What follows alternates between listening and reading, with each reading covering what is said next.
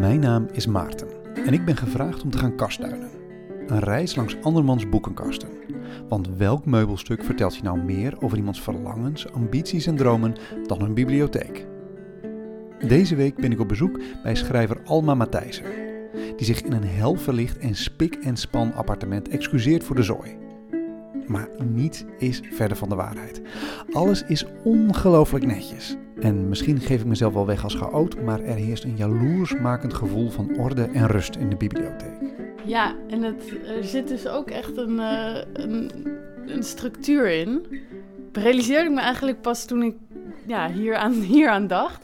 Want zeg maar, dit is gewoon allemaal uh, uh, op alfabet. Kan je even beschrijven wat, wat het is waar we naar kijken? Nou, we kijken naar mijn boekenkast. die heb ik laten bouwen. Uh, omdat ik dat belangrijk vind en ik van mijn boeken hou. En dan, ja, eigenlijk heb je eerst dan drie boekenkasten en die zijn allemaal op, uh, af, op alfabet. En dan heb je daar de poëzie en mijn kinderboeken. En daar de boeken ja, die ik dan eigenlijk apart hou voor het boek waar ik dan zelf mee aan het werk ben. En daar heb ik dan twee plankjes met boeken die ik nog niet heb gelezen. En die mogen dan pas als ik die gelezen heb, mogen die in de boekenkast. Ja, dat is heel erg, hè? Maar ik vind dat die nog niet in de boekenkast mogen. Ik vind het super aandoenlijk eigenlijk hoor. Maar, uh, maar die boeken hebben het niet eens verdiend. Het is mooi dat je die schuld ook bij die boeken legt eigenlijk. En niet eens bij jezelf. Dat is voor... oh ja, dat is ook... Nou, nou, nee, eigenlijk voel ik me dus ook een beetje wel schuldig over. Ik wil ook niet dat je te erg naar de titels gaat kijken van wellicht mijn vrienden wiens boek ik nog niet gelezen heb. Um, maar die wil ik dus wel allemaal heel graag lezen. En als ik ze ertussen ga zetten, dan vergeet ik het. Dan, dan, ja, dan ga ik ze waarschijnlijk echt niet meer lezen. Dus dan vind ik toch dat ze dan daar moeten, moeten staan. En ja, in sommige boeken heb ik ook echt heel veel zin hoor. Om die uh, te gaan lezen. Maar ja, ik wil Zoals? veel lezen. Bijvoorbeeld Klont van uh, Maxime uh, Februari wil ik heel graag lezen. Ehm, Mary Beard wil ik heel graag lezen. Women and Power. Uh, maar eigenlijk alles hoor, wat, wat daar staat, wil ik heel graag lezen.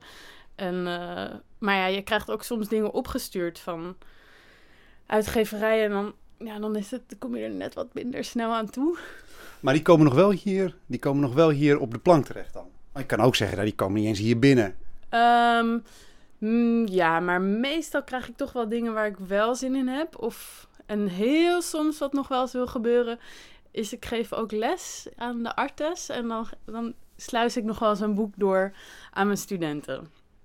Nee, want boeken waar ik niet van hou, die, ja, die, die hoeven van mij eigenlijk ook niet hier te zijn. Nee, ze kijken wel linken. Ik, ik zou me als boek ook ontzettend ongewenst voelen. Uh, wanneer mogen ze overstappen? Moet het uit zijn? Of mag je er gewoon aan begonnen zijn en dan... Nee, ze moeten wel eigenlijk uit zijn. Ik denk dat er wel een paar boeken, want er staan ook verhalenbundels tussen en daar heb ik echt niet alles van gelezen. Um, of of uh, bundels. Maar in principe vind ik wel dat ze, nou ja, dat, zie je dus nu ook. Uh, bijvoorbeeld, ik schaam me eigenlijk een beetje. Nou ja, laten we dit nemen. A Ghost Story uh, van Lorna Gibb. Dat, daar zit ik dan op pagina 53. Het is niet uit, dus die moet nog even hier blijven staan. Het is jammer dat uh, dat geluid geen beeld met zich meebrengt. Want die blik van ja, dat zou gek zijn die je hierbij, die hierbij houdt, is, is nog wel het mooiste daarvan. Ja, daar kunnen we niet aan beginnen. Dan zou de chaos compleet zijn. Ja, um, ja ik heb dit ook echt nog. Dit weet helemaal niemand eigenlijk. Dat ik, ja, nu, ja, ik vind het ook nu pas raar. Ik, vind ik vond het eigenlijk nooit raar. Tot nu. Maar waarom heb je het dan wel zo gedaan? Nou ja, dus om de reden dat ik, als ik dat niet zou doen, dan zou de chaos ontstaan. ja, het wordt echt steeds gekker. Maar ja, dan ontstaat er gewoon een chaos, want dan kan ik niet meer weten wat ik wel en niet gelezen heb. Wat betekent het als een boek daar staat? Dus aan de goede kant van nou, de lijn? Niet per se de goede kant. Um, uh, nou, dan betekent het dat ik, uh, dat ik daar opnieuw in kan kijken. Want als, ja, als, ik, als het niet een boek is waar ik van hou, dan hoef ik het ook niet per se meer. En in, in bijna al deze boeken uh, kijk ik ook nog wel eens terug. Het is echt niet een, een kast ja, die er is om, om mooi te zijn. Het is een kast waar ik gewoon heel vaak uh, ja, dingen, dingen teruglees. Als ik bezig ben met een artikel of ja, met een, eh, met een nieuw boek, dan ga ik gewoon kijken, oh ja, wat, wat past hierbij en eh, waarom? Ja. Je zei net, eh, omdat ik van boeken hou. Wat betekent dat in jouw geval? Op, hoe hou jij van boeken? Ehm, ja, het is, het is een bepaalde houvast voor het leven, denk ik. Ehm, kijk, bijvoorbeeld, dit is, dit is dan een beetje een. eh, dit is echt een boek waar, waar ik dan van hou. Het is, het is ook helemaal afgelezen en eh, een beetje zelfs verkleurd. Ik weet niet eens hoe, hoe dat kan. Eh, maar dit is een boek, een, eh, eigenlijk een eh, biografie over David Foster Wallace. Every Love Story is a Ghost Story. En ik had nog helemaal niks gelezen überhaupt van David Foster Wallace. En dat begon eigenlijk pas allemaal met na het lezen van dit boek. Omdat ja, D.T. Max, de schrijver, die, die kon zo goed zijn leven inzien en eh, begrijpen waarom David Foster Wallace wilde schrijven. En één zinnetje daaruit, dat, dat, dat, ja, dat ik dan altijd onthouden van dat het eigenlijk er alleen maar om gaat eh, what it's like to be a human being. En ik denk dat dat, ja, dat, dat, dat wil, wil ik ook zelf in, ehm, in, ja, in, in het schrijven leggen. Het is, het is iets ontzettend vreemds en eh, moeilijks bij, bij tijden om een, om een mens te zijn. Het klinkt nu banaal. Ehm, en, dat, en dat vind ik terug in boeken. En dat vaak in het dagelijks leven vind ik dat soms moeilijker om te vinden. Om, om eh, dus die, ehm, ja, die ervaring terug te vinden. En in boeken zit dat wel. En David Foster Wallace eh, ehm, nou heeft zelfmoord gepleegd. Zoals hij over zelfmoord heeft geschreven eh, in, sommige werken, dan, dan kan je bijna niet anders concluderen dat dit een man is die, nou, die er vaak dicht tegenaan heeft moeten zitten. Ehm, maar helpt zo'n man, zo'n man die het, het, het, het absolute peuteren in de menselijke geest en, en vooral menselijke motieven, helpt hij je om, eh, om mensen beter te leren kennen?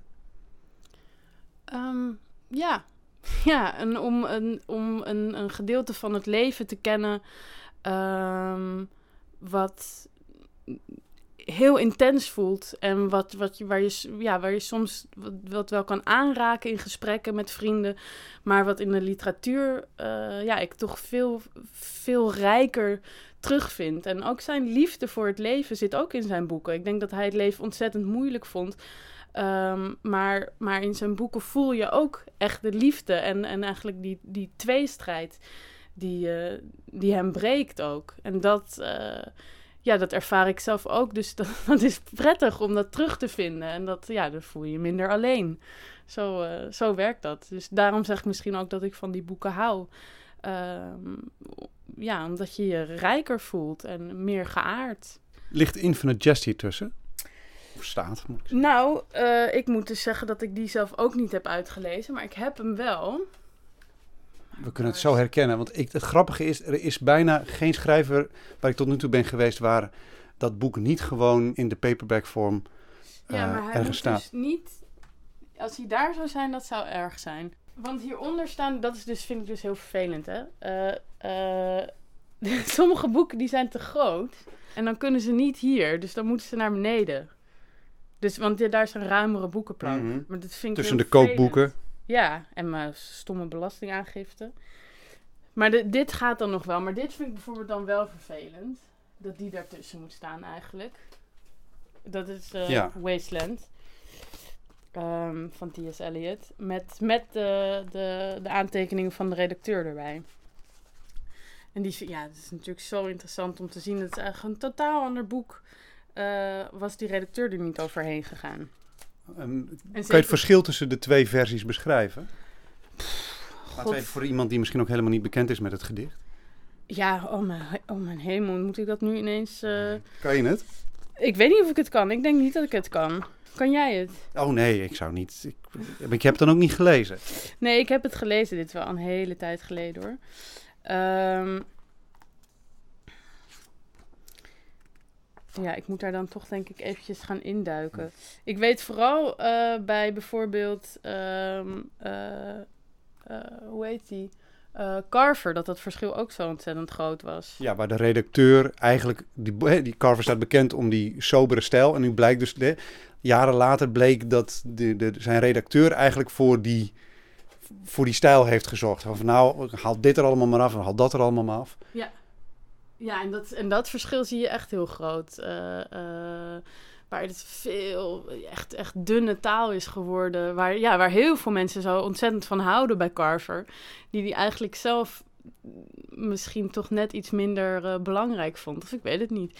Maar in elk geval, redacteuren zijn gewoon ontzettend belangrijk. Dat is volgens mij de grootste les. Maar hoe lees je, uh, um, toen je dat las, toen je daarachter kwam, hè, dat nieuws over Carver en een redacteur die feitelijk nou ja, de stijl, hè, alle, het, het, markante van, van Carver eigenlijk heeft bepaald. Mm -hmm. Wat doet dat met jou als schrijver? Is dat een uh... nachtmerrie? Nee, helemaal niet. Ik denk dat je een veel te groot ego hebt als je daar overheen valt. Dat is toch ja, alsof je niet in de filmwereld ook uh, uh, de, de briljantie van een editor mag inzien. Eigenlijk zie ik het meer zo. Uh, van, ja, als je een goede redacteur hebt gevonden, dan moet je die omarmen. En als je daar overheen valt, dan heb je een te groot ego. Dus ik zie dat helemaal niet als iets, als iets van, nou wat erg dat uh, Carver dat, dat dan die kracht niet zelf had of zoiets. Nee, gewoon, ja, redacteuren verdienen meer lof. Dat, ja, dat sowieso. Ja. Um, is hij nou eigenlijk een boek waar deze hele... Is er nou een soort oerboek? Is er een boek waar het allemaal om draait? Is er een boek waarmee deze bibliotheek eigenlijk is begonnen? Poeh. Um... Jeetje. Nou, het gekke is dat, dat ik denk mijn liefde voor het lezen, dat dat eigenlijk juist begon bij een boek wat ik pas twee maanden geleden gekocht heb, maar wat ik al heel lang, uh, dat is een bundel van uh, uh, Sylvia Plath. Dat, die had ik gewoon nooit, maar dat begon op de middelbare school. Toen ging mijn um, docent Engels, die ging toen Lady Lazarus, het gedicht van Sylvia Plath, behandelen in de les. En dat vond ik toen zo waanzinnig mooi. Het is natuurlijk een heel heftig, heftig gedicht over een, een vrouw die ja, zelfmoord probeert te, te plegen. Um, en, en juist die soort van hele intense gevoelens, die, die heb je als tiener. Dus dat sprak mij toen zo aan. En die zinnen zijn waanzinnig. En, en um, dus dat, ja, daar was ik helemaal door bevlogen. En en toen kwam ik eigenlijk achter, oh, die, dat boek heb ik helemaal niet. Ja, en dan, ja, dus dat probeer ik dan nu zo langzaam de dingen die echt, die, uh, die toch wel heel uh, bepalend zijn geweest om die, die aan te vullen. Zijn nou, en, kan, je, kan je tevoorschijn halen wat het nou precies was in die les nog, dat, waar, bij jou, waar, waar het aanging? Um, ja, volgens, het was echt het gedicht zelf. Ik moet het even, het was, ja, dus, dus, dus iets van, I have, ja, het was ook die, die laatste zin, iets met, um, ja, I eat men like air. Dat, vond, dat vond, voelde ik toen al, dat dat een soort hele prettige, prettige zin vond ik dat. Uh, en, en dying, I do it extremely well. Um, nou ja, dat je, dat je op zo'n manier met taal om kan gaan, dat, dat kende ik toen nog niet. Um, en dat daar een, enorme kracht in zit. Um, dat vond ik ook ja, heel waanzinnig. Dat alleen maar zo letters op papier um, je blik op de wereld kunnen veranderen. En uh, ik denk dat zo'n klein zinnetje als I eat men like air... Um, ja, dat dat mij heel veel kracht gaf op dat moment omdat de puber, uh, de, de, de puber Matthijs uh, zich daarin herkende? Of dacht van, zo kan ik ook zijn? Wat was het daaraan? Nou ja, ja, ik had toen natuurlijk toch al heel veel meegemaakt. Uh, en en um, nou ja, ik denk dat uh, zonder al te veel in, in detail te treden, uh, dat ik hier een soort herkenning in, in vond. En, en tegelijkertijd een kracht. dus, dus niet alleen het, het, het droevige aspect van de, de nare dingen die je hebt meegemaakt, maar tegelijkertijd ook oké, ik kan opnieuw herreizen, zoals eigenlijk de, de vrouw in dit gedicht ook dat zegt, en, en, en die doden achter me laten. Verraste dat inzichtje? Ik bedoel, het is nog één ding om zoiets te denken, maar dan ook, ik bedoel, als je dus blijkbaar dat kan, als je je zo kan herkennen in hè, een, een, een, een dode Engelse dichter, um, wat deed dat inzicht eigenlijk met je? Behalve dus dat, dat, dat je dus dat, je, je herkende dat, je voelde dat dat kan, maar herrees je toen ook? Heeft het echt een verschil gemaakt eigenlijk? Nou, ehm, ik weet trouwens niet zeker of ik op dat moment soort van ook al deze gedachten erbij had. Ik weet gewoon heel zeker dat ik het ontzettend mooi vond en het me, en me heel erg raakte. Eh, en soms weet je pas waarom vele jaren later. Ehm, maar ik denk in zekere zin wel, want daarna ging ik bij de schoolkant. Dus uh, ik zag toen wel, ja, dat is toch wel een soort van duidelijke reactie.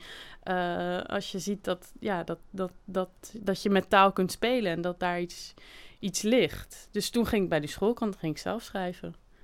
En wat was het verschil tussen de schrijvende en niet schrijvende Alma? Um, nou, ik was gelijk echt uh, uh, veel blijer. Uh, ja, dat was. Ik vond de middelbare school best wel moeilijk. Um, vooral sociaal vond ik, vond ik moeilijk om, om mee te komen. En toen ik eenmaal bij de, bij de schoolkrant zat, toen was zo. Oh, ik, ik ben gewoon. Ik zit bij de schoolkrant. Dat is mijn, dat is mijn niche. En toen begreep iedereen het ook gewoon zo. Ik was een beetje iemand die ja, een beetje moeilijk overal doorheen ging. En het was niet zo duidelijk wat ik dan was. Ik was geen alto, ik was niet populair, ik was niet... Weet je wel, je had altijd, altijd van, van die groepjes. En uh, ik, ik zat niet bij een groepje tot ik bij die schoolkrant terecht kwam. En dat, dat paste helemaal. Want toen werd ik daar hoofdredactrice en uh, dat, dat, dat werkte. Dat snapte ik, dat was duidelijk. was duidelijk wat je moest doen. En ik, ja, die eerste keer dat ik meedeed, heb ik echt zo die halve schoolkrant volgeschreven. Zijn hier nou schrijvers die, die zo goed zijn dat je die er juist niet bij kan pakken? Dat je denkt van ja, als ik die nu ga lezen, dan durf ik het straks niet eens meer. um, ja. Um, ja, veel wel, denk ik. Nou ja, ik vind, Jasmine Ward vind ik dus wel echt heel, heel fantastisch hoe zij schrijft. Um, ja, alleen op de wereld is nog steeds wel echt een soort bijbel in zekere zin voor mij. Heb je dat gelezen? Alleen op de wereld? Ja, joh. Het is een kinderboek. Ja, ik weet, ik weet wat het is. Maar het is een soort... Ik, ik, uh, ik heb het, ik, als kind ken ik het alleen van de, de radiobandjes. Ah. En dat vond ik al zo vreselijk zielig. En het schijnt dat het nog een milde versie is van hoe erg... ja, en mijn moeder heeft aan me voorgelezen als kind. Um, en toen vond ik het ook inderdaad wel echt heel erg. Ook dat ik op een gegeven moment zei van je moet nu even stoppen met voorlezen, want ik vind het te erg. Um, maar ja, ja, dat ik gewoon moest huilen van een boek vond ik ook weer ja, iets, iets, wonderlijks. Dus van letters op een papier. En toen heeft ze het toch uiteindelijk wel uitgelezen. Um, ja, dus dat vind ik een ontzettend uh, heel knap werk. Maar ook de dingen van Dave Eggers. Um, vind ik heel knap. Hoe hij zo speels en luchtig kan schrijven. En toch daadwerkelijk altijd iets, iets, iets echts aanraakt. Ja, ik, blijf, ik zit gewoon even te, te loeren naar al mijn boeken. Um, ja, Kampert. Dat blijft natuurlijk heel heel knap wat hij kan. En dat is eigenlijk hetzelfde. Dat echt met een soort hele erge lucht uh, over het zware kunnen schrijven. En de, en de lol. Dat ik, ik vind zelf dat ik niet zo goed ben in humor. um, en hij kan zo grappig schrijven. Daar ben ik wel jaloers op. Wat is zo moeilijk aan humor? Uh, ja, dat, dat, dat, dat, als ik daar de vinger op zou kunnen leggen, dan zou ik het kunnen. Maar zijn er, zijn er inderdaad scènes waar je op een gegeven moment dacht van... dat wil ik eigenlijk grappig laten zijn... en weet je, dat je uiteindelijk toch ervan afzag omdat je het gewoon niet rondkreeg?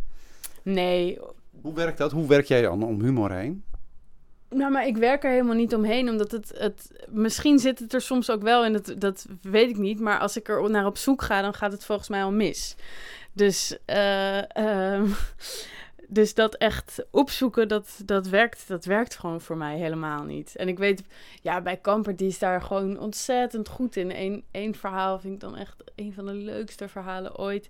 De, um, over een, hoe heet het nou, over een, grote spijker gaat het. En dan kan het wel even erbij pakken. Over een man die, een alcoholist, die altijd maar constant... Oh de rekening, de rekening komt later, zo heet hij.